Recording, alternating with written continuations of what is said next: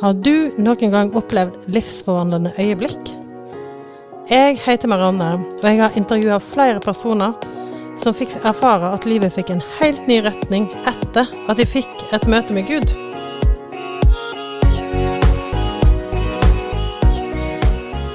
Jeg bor i Oslo jobber som familieveileder, og jeg har alltid likt å høre folk sine historier. Særlig hva som skaper de store og de gode endringene. Og i denne episoden her så er det Cecilie som skal fortelle sin historie. Jeg, jeg kan ikke si at jeg fikk noen sånn der eh, voldsom følelse, men en glede. Altså både meg og min mann var ekstremt glad. Hallo, hallo. Hei, hei. Hei, Cecilie. Hei. Du, det er jo litt sånn artig den måten eh, vi kom i kontakt. Ja. Fordi Hvordan skjedde det egentlig? Nei, det skjedde egentlig i påska. Så hadde jeg besøk av min søster. Og så skulle jeg anbefale denne podkasten til henne. Og så eh, begynte hun bare å le, og så sa hun ja, men jeg kjenner jo hun som har denne podkasten. Det er veldig morsomt. Så det, ja, det var gøy. Det var jo veldig gøy. Sånn var det. Du anbefalte henne å lytte til en podkast, men Ja. resultatet ble at du havna her sjøl. Ja, sånn kan det gå. sånn kan det gå, men det er jo jeg veldig, veldig fornøyd med. Og, eh, men Cecilie, nå sitter vi jo her i hjemmet ditt. Her på Hvor er vi nå? Vi er på Skjernøya i Mandal. Helt nydelig plass. Mm, det er fantastisk på øya. Men litt mer om deg. Fakta, fun facts, guilty pleasures. En liten fun fact er vel kanskje det at eh, jeg er mer opptatt av biler enn min mann.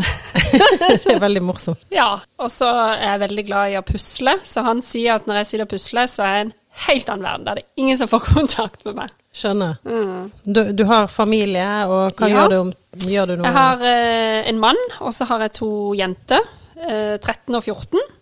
Så det er jo en litt sånn eh, ny tid som mamma. Ja, ikke sant? Ja, og så har jeg en hund. Du har jo erfart et eh, livsforvandlende vendepunkt. Kan du bare si i korte trekk hva det dreier seg om? Det begynte egentlig litt før jeg ble eh, syk, og da eh, hadde jeg virkelig et eh, behov. Jeg fikk et sånn tomrom og en lengsel, eh, og jeg har jo alltid vært et bønnebarn. Hvordan vokste du opp, og hvordan var din, ditt Altså, forhold hadde, til tro? jeg hadde en fin barndom med eh, kristne verdier. Har eh, to søsken som er kristne, men sjøl så gikk jeg ikke i den retninga. Nei, sant? Mm. Hvordan var det for deg å se at eh, dine søsken gikk i en annen retning enn deg? For meg så følte jeg at eh, den retninga de gikk, den var traus. Ja. Den var kjedelig. Den passa ikke for meg. Jeg var en litt mer sånn rastløs person, og det, det var ikke noe tiltalende for min del. Hva var det du syntes virka kjedelig? Eh, salme, bibel. Jeg hadde jo gått opp på søndagsskolen, og liksom jeg trodde det var det det dreide seg om. Høre ifra Bibelen og se gamle filmer og ja. Jeg skjønner. Mm. Og hva var det du brukte tiden din på?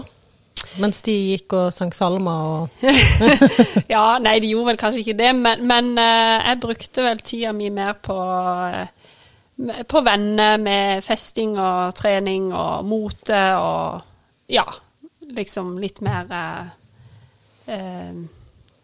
selvopptatt, hvis man kan si det. Tenke litt mer på utseende og litt sånne ting. Men var det sånn at de av og til prøvde å få deg med på møter Eller på, til kirken? Nei, altså fordi at mine søsken de flytta ut ganske tidlig. Så jeg på en måte så ikke at de gikk på noe møte, eller hadde ikke noe forhold til egentlig det i det hele tatt. Så, så det ble egentlig bare veldig naturlig overgang på en måte. Hadde du noen sånn tanke om hvem Gud var, eller noe bilde av hvem den guden var? Altså det jeg liksom tenkte, det var jo det at jeg skulle bli kristen da jeg ble gammel. Jeg tenkte at jeg skulle nok bli kristen på et eller annet tidspunkt. Men jeg visste nok ikke helt hva det innebar heller. Tenkte at det passa liksom når jeg hadde levd livet på en måte. Trodde du at det fantes en gud? Ja, jeg trodde vel egentlig det, men jeg hadde vel egentlig aldri stilt, eller fått stilt det spørsmålet sånn konkret, at jeg hadde tenkt så nøye over det. Husker du hvordan du hadde det, og hvordan livet var? Jo, når jeg sto, eller sånn, når ikke jeg var kristen da, så tenkte jeg nok ikke sånn på det, men jeg ser jo nå, ettersom jeg er blitt kristen, den store forskjellen. Og jeg var jo en veldig sånn usikker, rastløs og bekymra person. Så eh, Det er jo kanskje den største forskjellen, hvis jeg skal liksom si på det. Mm. Hvordan merker du den rastløsenheten? Du, er, du merker sikkert ikke det der og da, men når du ser etterpå, hva, hva, det, hva er det som gjør at du tenker at du var rastløs? Jeg fant egentlig aldri roen. Det måtte skje noe hele tida. Likte ikke å være i mitt eget selskap.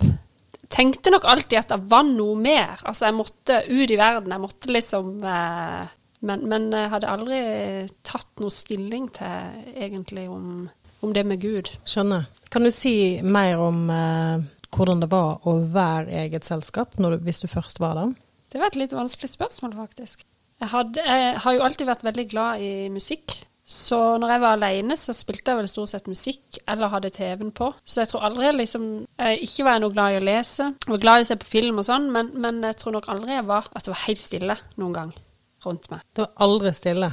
Nei, det tror jeg ikke. Enten så hadde jeg besøk, eller så var jeg på besøk, eller så var jeg på byen, eller så spilte jeg musikk. Har du tenkt på hva det handler om? Jeg tror nok kanskje jeg har vært en sånn I og med at jeg er en litt sånn rastløs sjel, så tror jeg kanskje at det kan handle litt om eh, at jeg søkte noe, men så vet jeg kanskje ikke hva en nysgjerrighet på de som er kristne. Jeg har hatt kristne i livet mitt, men ikke de nærmeste vennene har vært kristne. Og jeg tenkte jo på en måte på et tidspunkt så tenkte jeg skal finne en mann som er kristen, men det gjorde jeg ikke. Men vi sammen ble kristne. Ja, ikke sant. Dere mm. sammen ble kristne. Men kan du si litt uh, mer om tiden før du og mannen din ble kristne? Uh, For du møtte mannen din, og da var du ikke kristen? Nei, riktig. Nei, Og når var det? Da var jeg 25. Ja, og Hvor gammel var du nå igjen? Nå er jeg 39. Ja, 39. Mm. ja, Så når du var 25, så traff du mannen din. Ja. Og dere var begge enige om at tro ikke var noe, eller? Vi hadde aldri snakka om det. Det hadde aldri vært et tema. Nei, skjønner. Men eh, vi gjorde jo òg på en måte sånn som Altså vi hadde ganske lik bakgrunn i forhold til kristne verdier. Så vi valgte jo òg på en måte å sende jentene på søndagsskolen og kor og sånne ting. Fortell litt mer om eh, tiden eh, før dere ble, tok imot Jesus. Hvordan kom dere inn på den, det sporet? At dere ble interessert i tro? Det er egentlig vår datter Elvira Selin som eh, har æren for det. Ja, ja. interessant. Mm. Fordi at hun begynte på en privatskole, Oasen eh, skole. Eh, og hun kom stadig hjem med sånne små bibelvers som de skulle pugge på og kunne og sånn. Og hun kom òg hjem med brev eller ark hvor det sto at vi skulle be for skolen, be for klasserom. Og jeg tenkte i alle dager, hva er dette her for noe? Det var liksom så fjernt for oss. Så, så eh, for å være ærlig, så gikk jo de rett i søpla. Ja, mm. jeg skjønner. Ja, For det var ikke noe som vi hadde noe forhold til. Nei, Hva tenkte du når du leste dette? Jeg tenkte, hva, hva kan det bety? Altså, har det noen virkning? Men datteren deres, da? Hadde hun eh, Fortalte hun noe fra skolen, eller virker hun at Var hun noe inspirert av tro sjøl? Ja, absolutt. Så hun eh, prøvde jo stadig Hun var med på sånn kids eh, på, på, så, på, en menighet. Og hun prøvde stadig å få oss med på eh, møtet. Eh, så det var jo flere ganger vi bare slapp henne av og kjørte. Skjønner.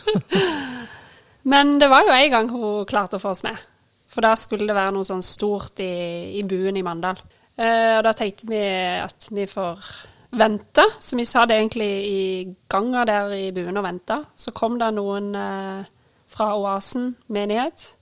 Og liksom 'Vi skal ha møte her, skal dere ikke komme inn?' og vi bare Tja. Skjønner. Ja, men så gjorde vi det, da. Og jeg husker jeg ble helt sånn forundra. For når jeg kom inn, inn der, så sto det liksom en ung, sporty fyr på scenen. Og han sto ikke med salme, han sto ikke med bibel. Han liksom fortalte om livet. Og jeg tenkte wow, dette var interessant. Husker du noe av hva han fortalte om, eller hva var det med hans historie du la merke til? Det har jeg egentlig prøvd å tenke litt på hva det var, men jeg tror nok det som gjorde, gjorde det, var at tidligere så hadde jeg liksom trodd at det var bibelvers, det var ting vi måtte uh, pugge. Eh, det var Det var liksom disse salmene, de gamle sangene. Ja. Og så plutselig så sto han liksom og fortalte om ting som jeg kunne kjenne meg igjen i i forhold til dagliglivet. Jeg kunne kanskje ta noe av det han sa inn i mitt liv. Så det Og hva skjedde videre etter dere hadde vært på dette møtet? Da, for første gang, snakka jeg og min mann om tro. Ja, for Mm. første gang, faktisk. For første gang. Hva dreide den samtalen seg om? Nei, da var jo jeg veldig nysgjerrig hva han hadde fått ut av dette. Om han tenkte noe eh, mer enn meg, og, og litt sånn. Og han eh, syntes jo òg dette var veldig interessant. Og han visste vel egentlig like lite som Ja, meg. Mm. Mm. Så, så eh, gikk det vel litt tid, da. Så kjente jeg jo det der tomrommet kom mer og mer eh, etter vi hadde fått et eh, møte, da. Og så er jo eh, min svigerinne og min svoger De bor rett der nede. Rett over jordet. Så, eh, så var vi en kveld hos de, og eh, vi var litt mer nysgjerrig, for de hadde vært kristne lenge. Og begynte å spørre litt, og sa at vi hadde vært på møte, og syntes det var interessant. Og da ble jo de ivrige, vet du. Ja. Men det som har vært så fint med dem, de har aldri vært noen sånne personer som skal pakke på oss.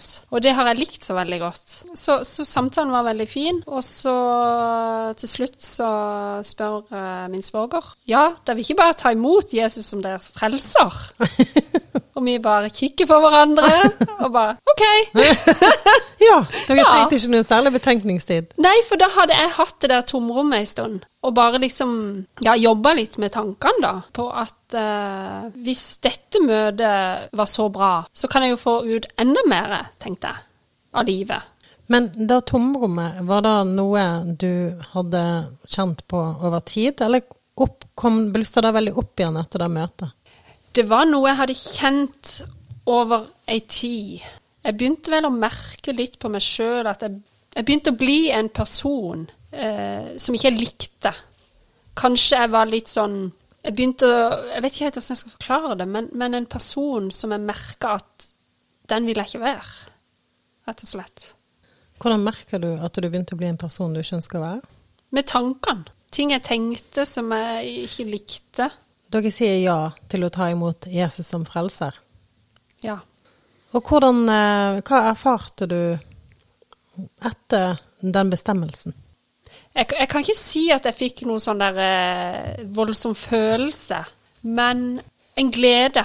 Altså både meg og min mann var ekstremt glad. Vi hadde en utrolig glede. Eh, og jentene sa òg på en måte at det, de merka at vi var så fornøyd. Men dagen etterpå så fikk jeg en kamp. Jeg hadde jo aldri åpna omtrent en bibel. Ikke visste jeg at det var noe annet enn salme å høre på. så så eh, alt var jo veldig nytt. Så når jeg da fikk den kampen inni meg da, på at i all verden er det du har gjort, litt sånn, nå kommer du til å miste alle vennene, altså det var masse sånn crazy greier. Hvordan var det? Det var ekkelt. Fortsatte det lenge, eller hvordan uh, utvikla det seg? Jeg tenkte her må jeg bare stoppe det, hva, hva kan jeg gjøre? Eh, for jeg hadde jo på en måte hørt, jeg har jo alltid hørt at det er en god side og en dårlig side, ikke sant, og sånn. Og da skjønte jeg jo veldig fort at dette kommer jo ifra djevelen. Jeg tenkte jeg måtte bare finne og google et eller annet bibelvers. ja, så kult. Og så bare satte jeg meg ned, og jeg visste ikke helt hva jeg leste. Jeg bare leste i vei. Ja, Og hva skjedde da? Da slapp det. Og hvordan eh, var tiden som fulgte etter den bestemmelsen for deg og mannen? Hvordan fortsatte ting? Det som skjedde, det var jo det at vi hadde vært kristne i ca. syv måneder. Så ble jeg syk, og jeg fikk diagnosen kreft. Og jeg tenkte dette er en test ifra Gud, tenkte jeg. Eh, men heldigvis så skjønte jeg jo fort at det er ikke sånn test eh, Gud setter oss på. Nei. Men at vi lever jo i denne verden, og det står ikke at ikke vi skal bli syke. Så jeg tenkte her har jeg et valg hvordan jeg kan forholde meg til dette, og da valgte vi å være åpen. Som òg gjorde at ting ble mye lettere, for uh, da trengte vi ikke gå og skjule ting på hvordan vi hadde det, og hva som egentlig skjedde. Og da når vi valgte å være åpen, så fikk vi jo en enorm kjærlighet fra folk. Fra menigheten i Oasen, fra nabo, fra venner. Ja, det var helt Den kjærligheten har jeg aldri vært borti på den måten. Men Var det vanskelig å, å ta bestemmelsen om å være åpen? Tidligere så har jeg jo vært kanskje ikke den som har snakka mest vært så åpen, da. Men etter jeg da hadde blitt kristen, så tenkte jeg at det var det riktige og det beste for jentene òg. For da var det lettere for de å forholde seg til det. Hvordan var det for deg å bli syk? Hvordan hadde du det? Hvordan var det for deg? Vi hadde jo et virkelig, virkelig behov for noe annet enn oss sjøl i den tida. Så det gjorde jo bare at vi ble sterkere i troa. For jeg fikk jo en eh, styrke og en bekymringsløshet. Vi som hadde vært mye bekymra, eh, var veldig lite bekymra, og det er veldig overraska over. Oi. Ja, i den situasjonen der. Ja, og den styrken, den var langt ut forbi meg sjøl. Det er veldig sterkt. Mm. Så ble jeg jo frisk først, og så tre måneder etterpå så ble jeg fikk jeg tilbakefall. Og det var nok kanskje enda tøffere. Fordi at da visste ikke legene helt hva de skulle gjøre. For da hadde jeg gått på cellegift. Da hadde jeg gjort det på en måte som de mente var det beste. Da eh, klødde de seg litt i hodet. Det var vel kanskje første gang da jeg kjente på en redsel. Det, det gjorde jeg. For da visste ikke på en måte legene hva hva de skulle gjøre. Og da tenkte jeg så mange som liksom Vi må bare krysse de fingrene og håpe. Så tenkte jeg Nei. Stakkar det hvis det er bare de fingrene du har Ja. som skal krysses, ikke sant. ja. Eh, Jeg har et håp. Dette skal vi be for. Eh, vet at bønn virker. Og de kom, eh, eller de ringte fra sykehuset og sa at det var en forskning som jeg kanskje kunne bli med på. Men det var veldig, veldig lite margin for å bli med på den. Altså du måtte ikke ha eksem, ingen allergi. Mange ting som spilte inn for at du skulle bli trukket ut. Og det var bare to stykk i landet. Oi. Så de var veldig usikre på da om jeg ble med, og jeg var veldig usikker, og den tida var jo eh, Ja, den var heftig. Så det gjorde meg jo veldig, veldig mange tanker da. Men da tenkte jeg bare enda sterkere at eh, vi trenger Gud, vi trenger bønn, og da var det noe som gikk i forbønn for meg. Og tidligere så har jeg egentlig aldri hørt om forbønn. jeg visste ikke hva egentlig det ville si. Dagen etter så ringte de fra sykehuset og sa at jeg var blitt trukket ut. Så kult. Så det er jo virkelig et bønnesvar. Det er virkelig et bønnesvar. Mm. Så du tok imot eh, Jesus og opplevde å bli syk syv måneder etterpå. Og så var du syk, men du var åpen. Og så om til andre, og du fikk masse støtte. Du ble frisk igjen, men så fikk du et tilbakefall. Men så ble du trukket ut Ja. til å bli med på en forskning. Og hvordan gikk det? Jeg tålte jo alt veldig bra. Det gjorde jeg under begge behandlingene. Jeg måtte flytte til Oslo i to måneder. Eh, Det kjente jeg var jo veldig tøft. Men eh, så lenge alt gikk så bra, så var det jo virkelig verdt det. Ja, for da ble du frisk igjen etter den forskningen. Mm. Jeg vet ikke helt hva forskning er. Eh, Hva, eller, Det var Jeg fikk immunterapi. Så den immunterapien, den hjalp? Eller den gjorde at du ble frisk igjen? Ja, sammen med vaksine. Men eh, det er jo fantastisk. Ja, virkelig. Hva har du lært gjennom denne sykdomsperioden? Ja, jeg har lært det at uh, livet er ikke for pyse. Og alle kommer vi opp i uh, forskjellige situasjoner i livet uh, hvor vi trenger noe mer enn vårt eget håp og egen styrke. For vår egen håp og styrke, det tar slutt, så, så vi trenger noe mer. Vi trenger å tro på Jesus. Det er jo litt sånn at eh, når eh, folk blir veldig syke, så kan en òg bli skuffa. Bli sint og skuffa på Gud. Nei, altså så fort jeg forsto at ikke det var en test fra Gud, Ja, sant. Ja, vi kan bli like syke som, som andre som ikke er kristne. Så jeg kan aldri huske at jeg satt og anklaga Gud for det. Og så har jeg jo alltid hørt, og tenk, jeg, jeg tenkte ikke på det da når jeg var syk, men at uh, Gud kan alltid bruke situasjoner, vonde situasjoner i livet, til noe bra. Og det vil jeg absolutt si at uh, jeg har uh, fått erfare. Har du noen tips til mennesker som erfarer sykdom, eller ting som skaper mye bekymring og frykt? Jeg har jo eh, opplevd eh, gang på gang at bønn har virka for meg.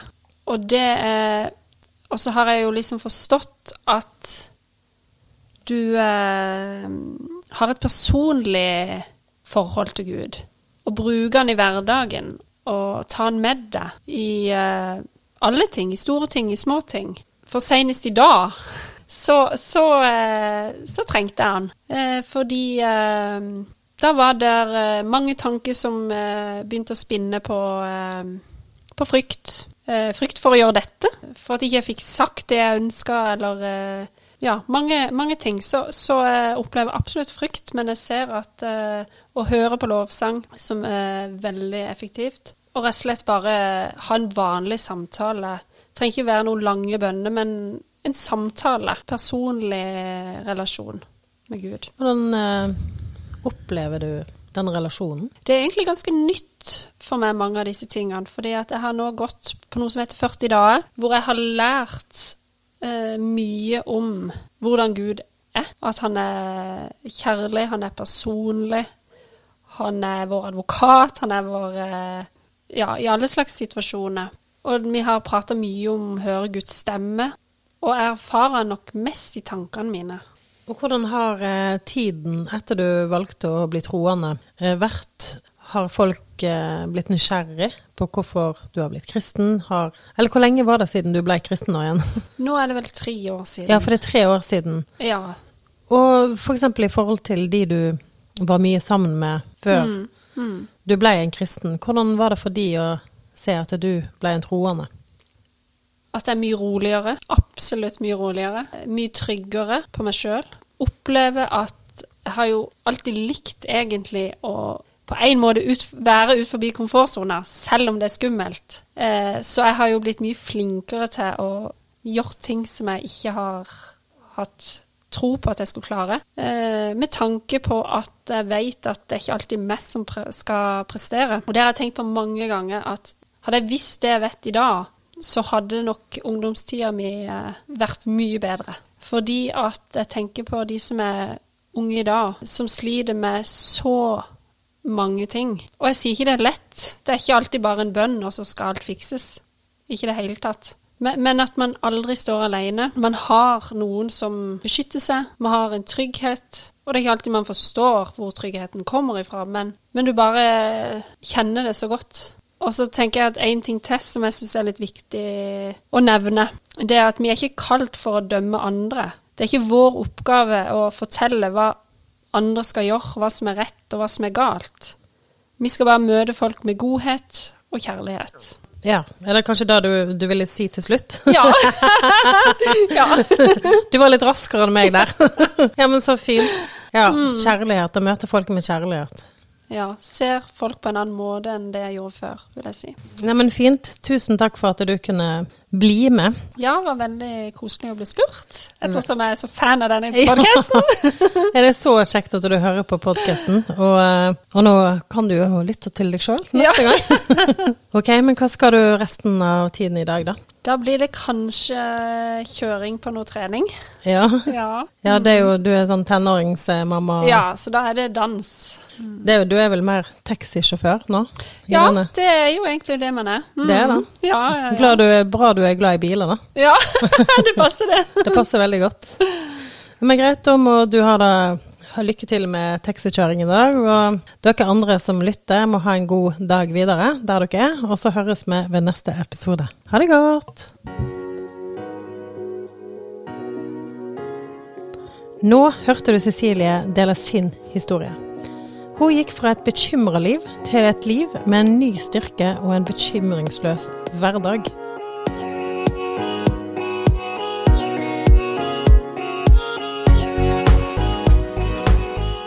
Likte du episoden, del den gjerne på Facebook eller Instagram. Hvis du har spørsmål til episoden, bli medlem i Facebook-gruppa Vendepunkt. Der er det livesending og oppfølgingsspørsmål til Cecilie. Send spørsmål til meg på Instagram-konto vendepunkt-podkast eller på Messenger. Vil du sjekke ut mer om Gud? Da anbefaler jeg nettkurset Velkommen hjem med Egil Svartdal. Det finner du på omgud.nett.